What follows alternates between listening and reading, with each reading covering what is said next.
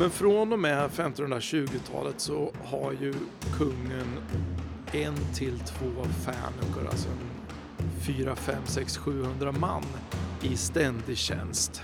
Framförallt i Stockholm då. Eh, det som långt senare ska kallas för gårdsfänikan eller rent av livgardet under 1600-talet.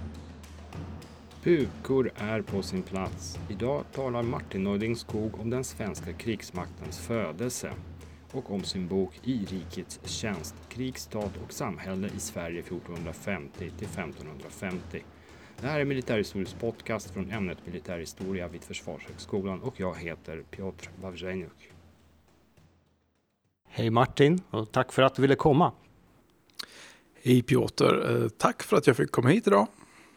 Jag har läst din bok eh, och jag närvarade på seminariet när du pratade om dina slutsatser. Och seminariet hette Den svenska krigsmaktens födelse.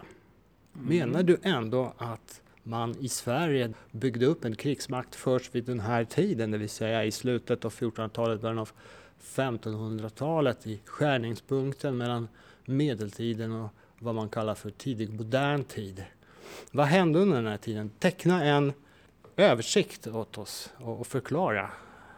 Ja, det, ehm, det, det, korta svaret på din fråga om den svenska krigsmaktens födelse eh, skulle ju kunna vara att eh, den här tiden såg födelsen av en annan typ av krigsmakt än den som har funnits tidigare.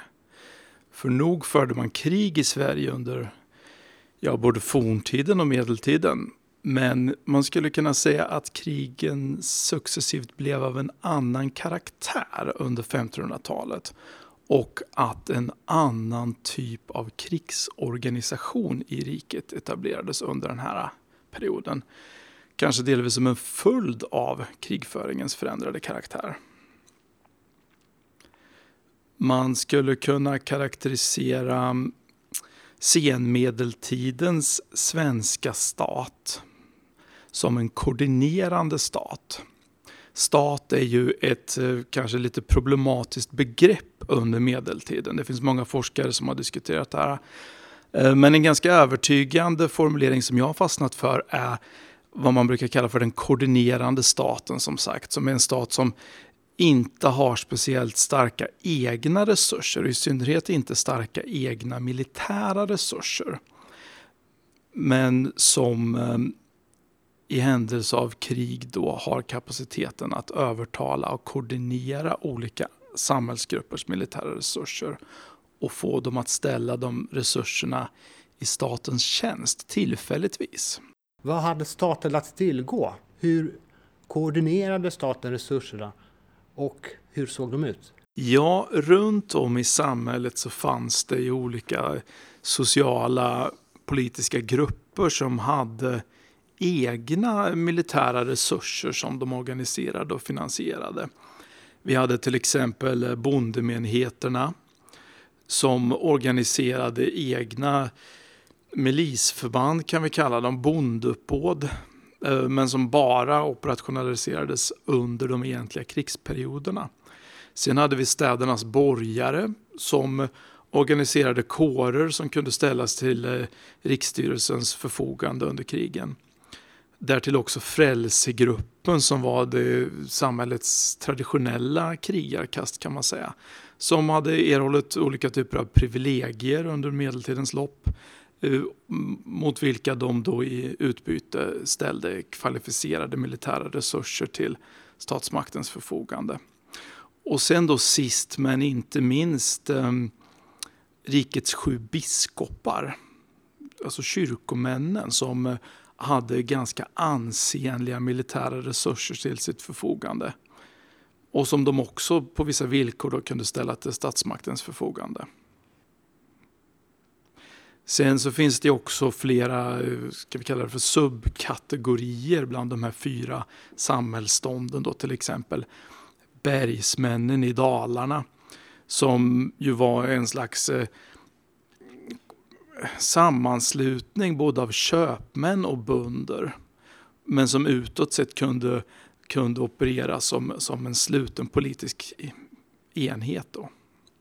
Och eh, de här grupperna då var ju inte villiga eller intresserade av att villkorslöst ställa sina ganska påkostade militära resurser till regeringens eller, eller statsmaktens företrädandes förfogande hur som helst.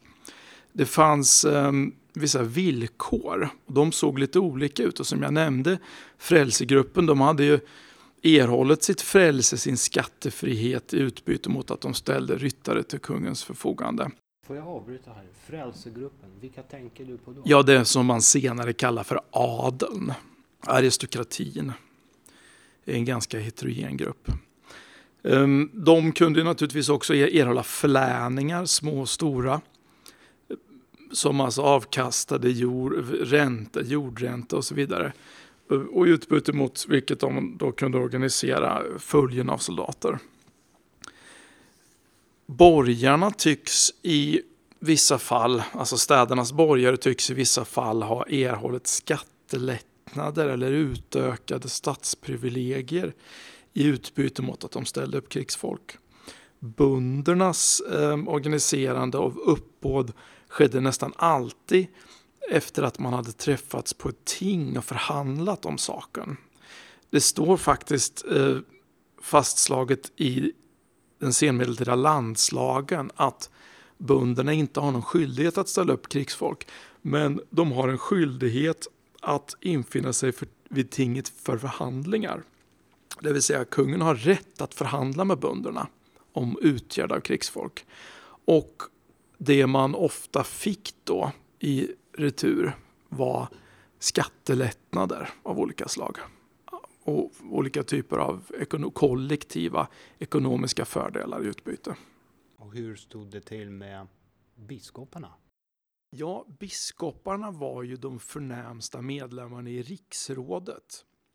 Och i egenskap av framstående riksråd så hade de också rätt att erhålla kronoförläningar. Ofta slott eller större, större territoriella egendomar. Och de erhöll de då i utbyte mot att de skulle göra krigstjänst med ett visst antal man eller ryttare. Men eh, biskoparnas huvudsakliga ekonomiska inkomster de kom ju från den jord som kyrkan själv ägde och den i synnerhet den som låg direkt under det så kallade biskopsbordet. Därtill så tog de också upp tionde och andra avgifter från allmogen. Vad är det för processer inom riket och i den vidare världen som sätter igång en förändring? Ja, det är ju en väldigt intressant, vi, ska, vi kan kalla det för 10 000 kronors frågan. Ehm, jag har argumenterat för att det framför allt är den ökade frekvensen av krig och konflikter under den här perioden från mitten av 1400-talet till mitten av 1500-talet som, som fungerar som ehm, katalysator för den här utvecklingen. Allt fler internationella konflikter, allt fler invasioner av det svenska riket, alltså behovet av att försvara riket mot kvalificerade militära motståndare blir allt större. Och då tror jag att den typ av politiska organisatörer eller aktörer som har kapacitet att framgångsrikt och effektivt organisera riket kommer att prioriteras och premieras av, av folkdjupet så att säga de olika samhällsgrupper som har inflytande. Gustav Vasa är en sån person som, som är oerhört skicklig på att organisera, finansiera, hitta problem, brister, effektivt, ibland hårdhänt lösa de problemen. Och ehm, vid förhandlingarna med riksdagen och så vidare så är det en diskussion som förs där han hela tiden argumenterar för vilka olika typer av militärorganisatoriska nyordningar som han har implementerat och vilka fördelar, inte minst ekonomiskt, det innebär för bönderna. Som ju är den stora gruppen som behöver övertalas. Då. Mm, om man ser då till eh, de föregående regenterna, de tre, de tre mm, riksföreståndarna under Sturetiden och kung Karl Knutsson dessförinnan då, om man ser till de så att säga inhemska regenterna, så mm, kunde de ju förvisso vara ganska skickliga också i att organisera fälttåg och militära resurser, men de mm, var inte lika framgångsrika med facit i hand som Gustav Vasa blev. Därtill hade de också betydligt fler politiska motståndare inom riket. Stockholms blodbad och andra uppgörelser inom riket fick ju den konsekvensen att Gustav Vasa hade allt färre politi starka politiska motståndare inom riket att förhålla sig till. Medan alltså Gustav, förlåt, Karl Knutsson och Sten Sture till exempel blev avsatta av en rådskoalition med biskoparna i täten. De hade betydligt fler svåra motståndare att möta och handskas med eller tillgodose än Gustav Vasa. Men om vi går till början av Gustav Vasas regeringstid. Vad är det för åtgärder han vidtar? Om vi tar 1520-talet som en form av utgångspunkt och så sedan arbetar oss framåt fram till 1560 där han överlämnar riket till, till sina söner. På den mest basala militära eller taktiska nivån så börjar ju kungen att dels värva och avlöna ofrälse inhemskt krigsfolk och det är en ganska viktig nyordning. Och de här nya trupperna som värvas tillfälligt då under det här upproret 1521-23 de börjar kungen också att organisera och träna efter tyskt maner. Det vill säga till fots med pik och hillebard i slutna fyrkantsformationer. Det här är någonting ganska nytt i Sverige vid den här tiden. Och det är ju då en, en organisationsform som, som nära följer den här tyska organisationsmatrisen, alltså de tyska landsknektarnas organisatoriska koncept. Sen så finns det ju en hel del andra saker som händer. Ja, dels en viktig nyordning är att Gustav Vasa lyckas via Lübecks bemedling värva tyska landsknektar, ett antal fänekor, alltså tyska professionella legosoldater som kommer till Sverige och som hjälper kungen att slutföra belägringen av Stockholm och rensningen av Finland därefter och så vidare. När du säger fänikor, vad tänker du på då? Ja, förlåt. Eh, det är dåtidens tyska infanteriförband som väl lite slarvigt översatt till, till modern terminologi skulle kallas för kompanier. Men de uppgick ofta till eh, nominellt 400 man ungefär. Men det var den tidens minsta taktiska enhet på slagfältet. En annan, eh, ett annat exempel på en viktig nyordning som kommer under 1520-talet det är att när Gustav Vasa har avslutat de huvudsakliga stridigheterna 1524 och krigsfolket kommer tillbaka till Stockholm och Östergötland efter att de har varit i Finland så uppstår ett stort inkvarteringsproblem. Kungen har ingenstans att inkvartera sitt värvade krigsfolk. Och då tar man till den drastiska åtgärden att man låter krigsfolket inkvarteras hos kyrkoinstitutionen. Hemma hos biskoparna på deras gårdar, hos domkapitlen i klostren och hemma hos prästerna i stiften. Därtill också hos städernas borgare. Det här är ett beslut som fattas eh, på eh, något hastigt sammankallat rådsmöte där man inte har speciellt stor uppslutning. Det, det är egentligen kungen som genomtrumfar det här beslutet.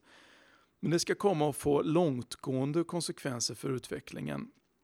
För de här borglägren då som introduceras, de innebär att kungen tar sig rätten att inkvartera krigsfolk upp till en viss kvantitet och gör det här till en permanent pålaga på kyrkoinstitutionen. Ett par år senare vid riksdagen i Västerås, den så kallade reformationsriksdagen, då förvandlas den här borglägerskyldigheten till en så kallad borglägertaxa.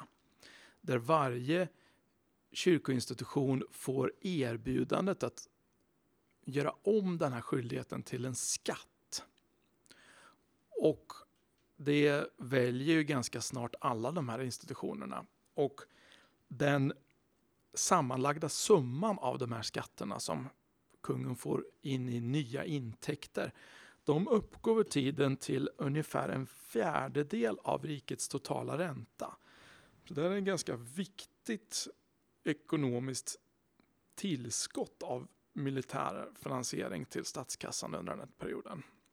Borglägren kommer också under 1530, 40 och 50-talet att utökas eh, att också omfatta bunderna. Under andra hälften av 1500-talet så inkvarterar kungen ofta och gärna krigsfolket hemma hos bunderna lokalt på landsbygden. Och det här är en nyordning då som kommer successivt från 1540-talet tror jag. Det finns ju definitivt en hel del friktion i det här sammanhanget. Det finns ganska många källor som omtalar problem i mötet mellan bönder och inkvarterade soldater, inte minst de utländska soldaterna. Då. Men den ganska intressanta frågan då, den kan ju också kopplas till den här frågan om vem som framgångsrikt kan organisera rikets försvar och sådär. För vad kungen gör under 1530-talet det är att övertala bönderna att sluta organisera uppbåd och istället betala en taxa om 12 öre per bonde för att slippa ställa upp själva som soldater och pengarna ska istället användas för att värva krigsfolk. Och på så vis så behöver bönderna inte längre bli en del av krigsorganisationen. De kan bli civila för första gången i Sveriges historia. Så börjar man göra en distinktion mellan det militära och det civila samhället. Undersåtarna har inte längre nödvändigtvis en plikt att gå ut i krig utan genom att betala kungen så löser han det problemet och organiserar egna militära resurser och förband i kronans egen regi. Och härtill kommer ju också då att bönderna får vissa andra skyldigheter, bland annat då att ta emot och inkvartera krigsfolket. Men i förlängningen så skulle ju alternativet ha varit att själva gå ut som soldater. Och det tycks åtminstone ibland vara så att bönderna är ganska nöjda med den här överenskommelsen. Det är bättre att betala pengar, mer skatt och, och att kanske inkvartera krigsfolk än att behöva ge sig ut själv och låta slå sig ihjäl som Gustav Vasa själv formulerade. Jag tänker mig också att i och med att bönderna nu blev hemma eh, tog det inte det också ha bidragit till starkare ekonomi hemma vid? Alltså att, att, att eh, den svenska, att rikets ekonomi då på något sätt förbättrades i och med att de kunde nu vara produktiva eh, i princip då oavbrutet. Ja, det är ju i och för sig rimligt att anta att det är så. Jag har inte hittat så mycket källor som belyser det förhållandet, men, men det finns ju gott om forskning tidigare som har diskuterat det här problemet med att den här typen av sammandragna arméer som var i bruk under senmedeltiden då man, då man tog så att säga civila människor och, och skrev ut uppbåd och sådär att de inte kunde operera under vissa perioder av året då det var sådd och skörd till exempel. I, eh, på försommaren eller i, i, i maj när sådden skulle skötas och i augusti när skörden skulle bärgas så var det nästan omöjligt att organisera uppbåd under den här föregående perioden. Och på så vis så kan man ju åtminstone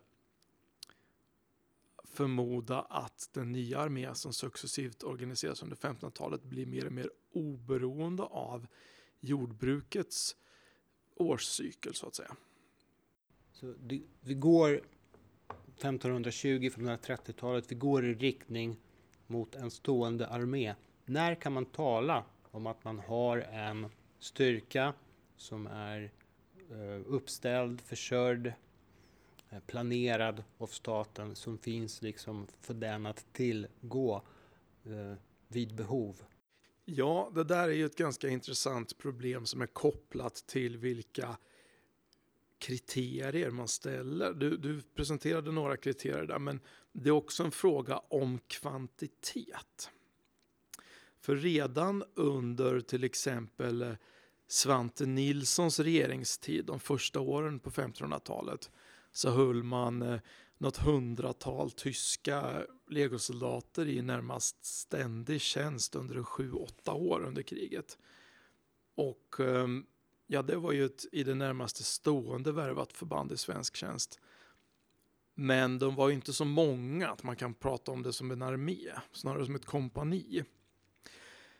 Men från och med 1520-talet så har ju kungen en till två fänukor, alltså en, en eh, ja, fyra, fem, sex, 700 man i ständig tjänst, framförallt i Stockholm då.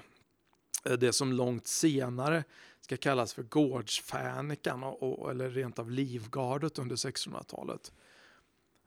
Det börjar benämnas Stockholmsfänikan från 1540-talet. Det är ett förband som finns då i ständig tjänst från och med Gustav Vasas, Gustav Vasas regeringstillträde och framåt. Men sen finns det också någonting annat ganska intressant. Eh, ett system av soldater som man kallar för fotgångare. Det är alltså inhemska värvade soldater som är organiserade ungefär som landsknektar. De är kontant avlönade. Sådana ingår i den här, den här kungliga fäneken redan från början. Men sådana organiseras också tidvis under andra konflikter. Under det Dalaupproret 1527 så följer sådana trupper kungen till Dalarna. Under grevefejden 1534 36 så organiseras flera sådana fänekor. I samband med Dackefejden 1542 43 så organiserar kungen ett par tusen man, fotgångare. Och det här är alltså någon slags semipermanenta infanteriförband som är kontantavlönade och organiserade efter tysk förebild. Men eh, som inte kanske i egentlig mening kan sägas vara permanenta. I synnerhet därför att antalet varierar så starkt mellan freds och konfliktperioder. Men den stora nyordningen i det här avseendet kommer strax efter Dackefejden 1544 då i samband med ett rådsbeslut kommer man överens om att kungen hädanefter ska ha, rätt att ta ut var sjätte man bland bönderna i hela riket för krigstjänst. Var femte man i Småland, troligtvis som, som en slags bestraffning för det nyligen krossade upproret där. Och de här i sig inte speciellt anmärkningsvärda besluten genererar snabbt en nyordning. En, en process som tar fart där man ser att i slutet av 1540-talet så har kungen organiserat flera tusen man på det här sättet i fänikor som är mm, oftast är de regionalt organiserade landskapsvis. Men det är inte senare tiders landskapsregementen utan det är, det är fänikor som bär namn av sin hövitsman, deras eh, kapten eller anförande. Och där det till exempel kunde finnas fyra fänikor i, i eh, Uppland men kanske bara en i Närke och så vidare. Det var kopplat till demografin. Vid Gustav Vasas död 1560 så omfattade de här eh, infanterifänikorna ungefär 10 000 man som var rullförda, organiserade, avlönade. När det ryska kriget bröt ut 1554 så flyttade kungen över till slut nästan hela den här armén till Finland från den västra riksdelen. Vilket belyser att de här förbanden hade blivit något mer än bondeuppbåd. De började alltmer likna en stående reguljär armé. Så att det är under de två sista decennierna, ja de sista 15 åren av Gustav Vasas regeringstid egentligen, som den stora förändringen sker. Nu har många forskare, Sven A. Nilsson och andra kända historiker kritiserat det här synsättet och sagt att eh, ja, men de här förbanden långt fram i tiden så var de ingenting annat än eh, bondemilis som väldigt ogärna lämnade det egna landskapet och som eh, inte på något vis kunde mäta sig med professionella soldater. Det är ett perspektiv som har dominerat och man menar ofta att det var först under Gustav II Adolfs tid, under de polska krigen, som armén började bli någonting annat än en, än en glorifierad bondemilis. Men faktum kvarstår, om man är lite kritisk till det där perspektivet, att den svenska armén i till exempel slaget vid Axtorna under det nordiska sjuårskriget eh, 1565 organiserade nästan 12 000 man infanteri av det här slaget på slagfältet. Organiserade i tre stora regementen. Och de här tre stora regementena de bildade alltså fotfolksformationer som var flera tusen man starka. Och som alltså kunde operera som så här stora taktiska kroppar på slagfältet efter kontinental förebild. Så att den här armén som sakta började formas, ja visst, den var en budgetversion av sin tyska förebild. Men den hade likväl kapacitet att operera på slagfältet som vilken konventionell armé som helst.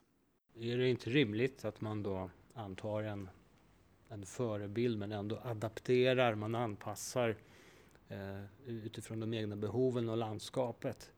Där, där det egentligen är ganska svårt att komma till, till avslut och ha någon form av avgörande slag, vilket då visar sig med all tydlighet under konflikten som du precis nämnde. Ja, det, ehm, det är ganska ovanligt å andra sidan. Alltså Axtorna-slaget är ju ganska intressant just för att det var så stort. Ungefär 8000 man på den danska sidan och ungefär 12 000 man på den svenska. 20 000 man totalt. Det, det, det är eh, nog det största slaget hit, dittills i Nordens historia. Och det skulle dröja in på, långt in på 1600-talet innan de siffrorna slogs av något annat slag. Men apropå det du sa om en eh, svensk anpassning till det utländska eller tyska koncept man hade importerat så är det ganska intressant att eh, i fråga om beväpning till exempel så skulle det ta ganska lång tid innan den svenska armén var utrustad enligt kontinental standard. Fortfarande vid 1500-talets mitt så var åtminstone hälften av de svenska fotsoldaterna utrustade med armborst. Det vill säga senmedeltidens framgångsrika avståndsvapen. Och eh, det är först under andra hälften av 1500-talet som, eh, eh, som eldhandvapen blir dominerande i den svenska armén. Låt oss bara påminna lyssnarna. Slaget vid Axtorna. Det blev ett svenskt nederlag. Precis, det är riktigt. Det berodde förmodligen på att eh, svensk-tyska kavalleriet lämnade infanteriet i sticket mitt under slaget. Det är åtminstone den eh, officiella, det var den officiella förklaringen. Det var faktiskt tyska eh, kaptener som avrättades efter slaget för sin försumlighet. Men om vi färdas tillbaka till den sene Gustav Vasas tid och till Erik den XIVs första år vid makten. Vad talar vi om för numerärer och hur såg den militära organisationen ut? Ja, som jag nämnde så uppgick infanteriet vid Gustav Vasas död 1560 till ungefär 10 000 man. Och det var, det var åtminstone det, det antal som organiserades under det ryska kriget eh, 1550-talets mitt. Men ganska kort efter att Erik den XIV, alltså Gustav Vasas äldste son, har blivit kung 1560 så bryter det så kallade Nordiska sjuårskriget ut som blir en ganska blodig och långdragen konflikt mellan Sverige och Danmark. Den utspelar sig mellan 1563 och 1570. Och under krigets senare skede, eh, året innan eh, Erik den XIV blir avsatt av sina bröder 1568, så uppgår den svenska armén till omkring 20 000 man. Så att antalet i förhållande till det vid Gustav Vasas död har ungefär fördubblats. Och det här antalet Antalet soldater då, det minskas lite efter 1570 när Johan den tredje, det vill säga den mellerste sonen, kommer till makten. Då minskas armén ner till ungefär ja, någonstans 10-12 000 man igen. Varvid man satsar lite mer på utländskt krigsfolk, skottar och tyskar. Men då har man ju i princip fred i det, på det egna området medan man har gett sig in i ganska våghalsiga äventyr i Livland. Estland, norra Estland har kommit under svensk överhöghet 1561 och under resten av 1500-talet så för man bitvis ganska blodiga krig där mot eh, polacker och ryssar och danskar. Så att då har man satsat mer och mer på legosoldater.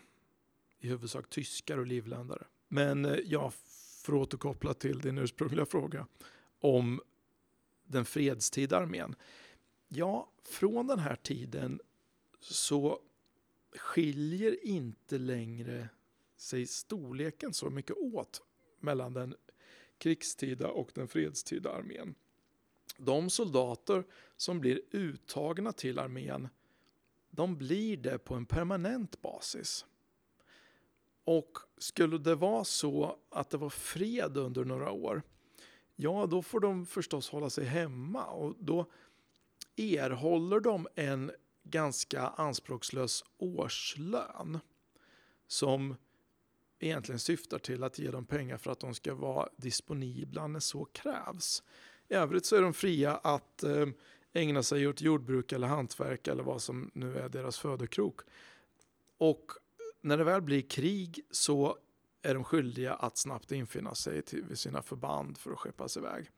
Och det här systemet har blivit under senare delen av 1500-talet har det blivit permanent. Det vill säga den stora skillnaden mot senmedeltiden då var att de här bunderna som tidvis uppbådades för krigen, de, ja, de kunde roteras flera gånger under, under samma år. Det vill säga att de individer som tjänstgjorde, de tjänstgjorde under väldigt korta perioder.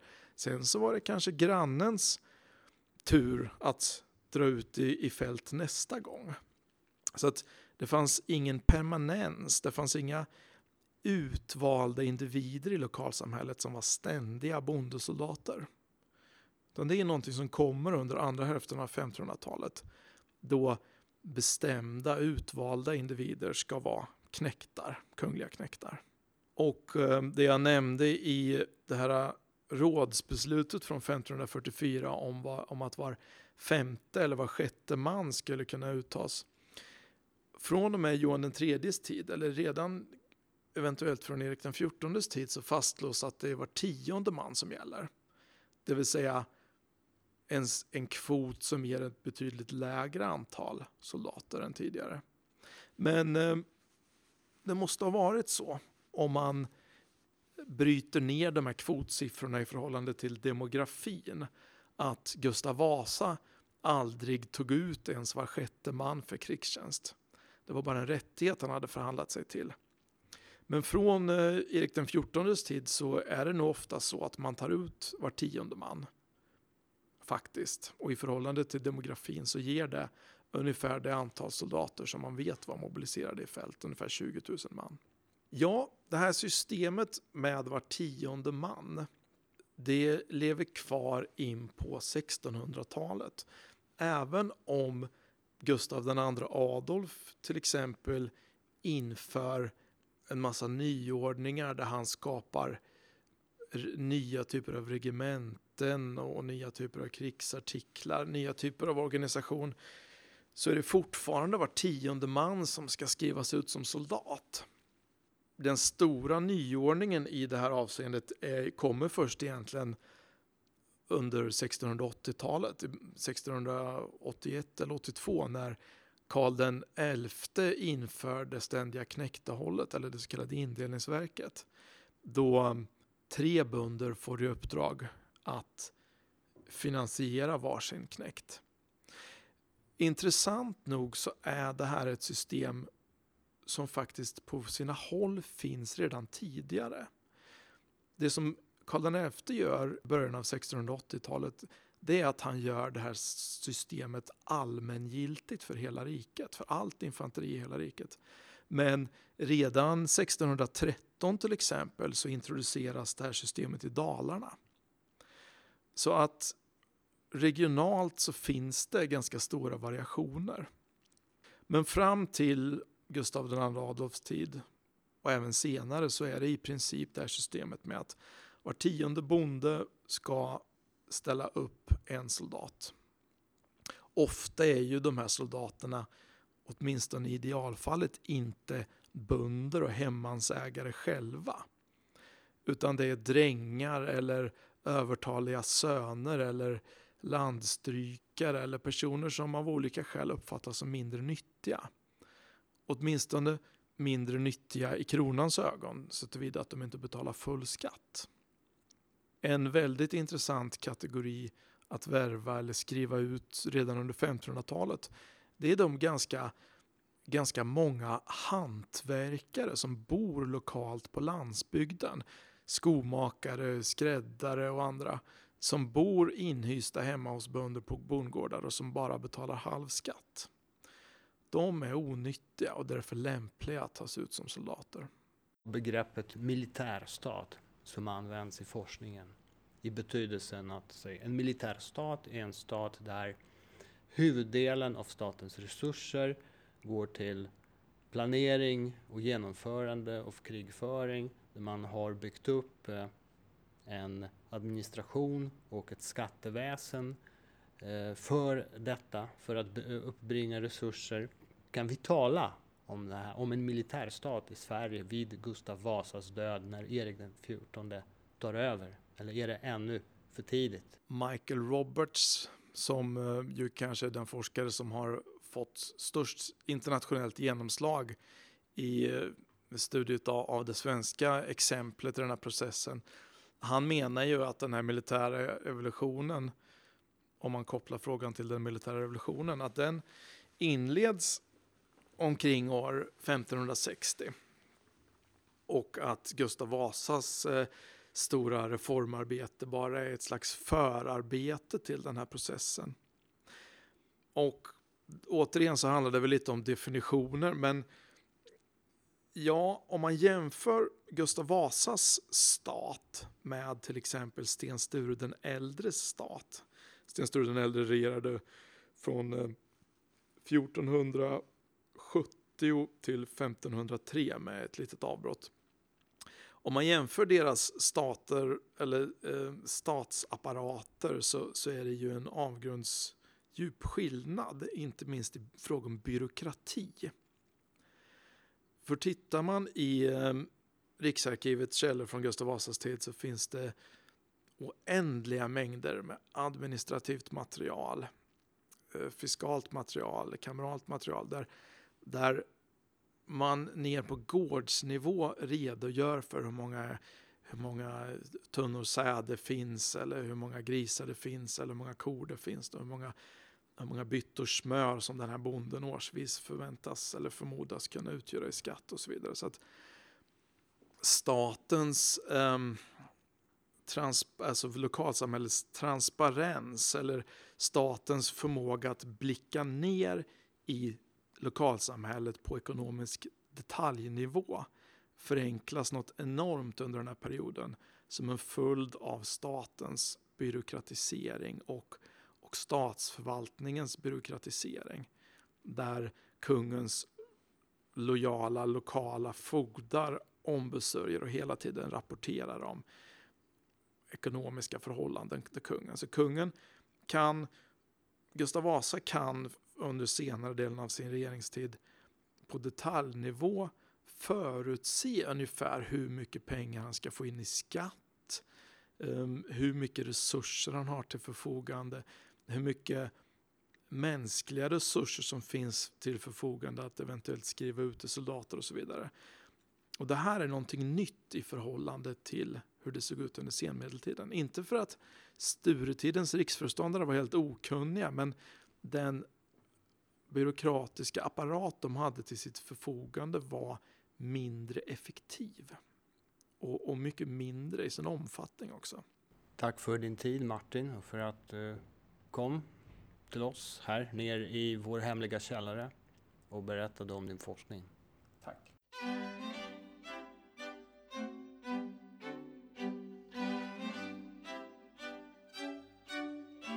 Jag hoppas att denna podd smakade. Närmast fortsätter vi med Ingvar Sjöblom som kommer att berätta om den svenska flottans uppbyggnad på 1500-talet. Således fortsätter vi på detta inslagna tema. Tanken är att vi en gång i månaden återkommer med en ny militärhistorisk podd från oss på militärhistoriska sektionen på Försvarshögskolan. Jag heter Piotr Favrenjuk och är redaktör för denna poddserie, tillika forskare och lärare på sektionen. På återseende.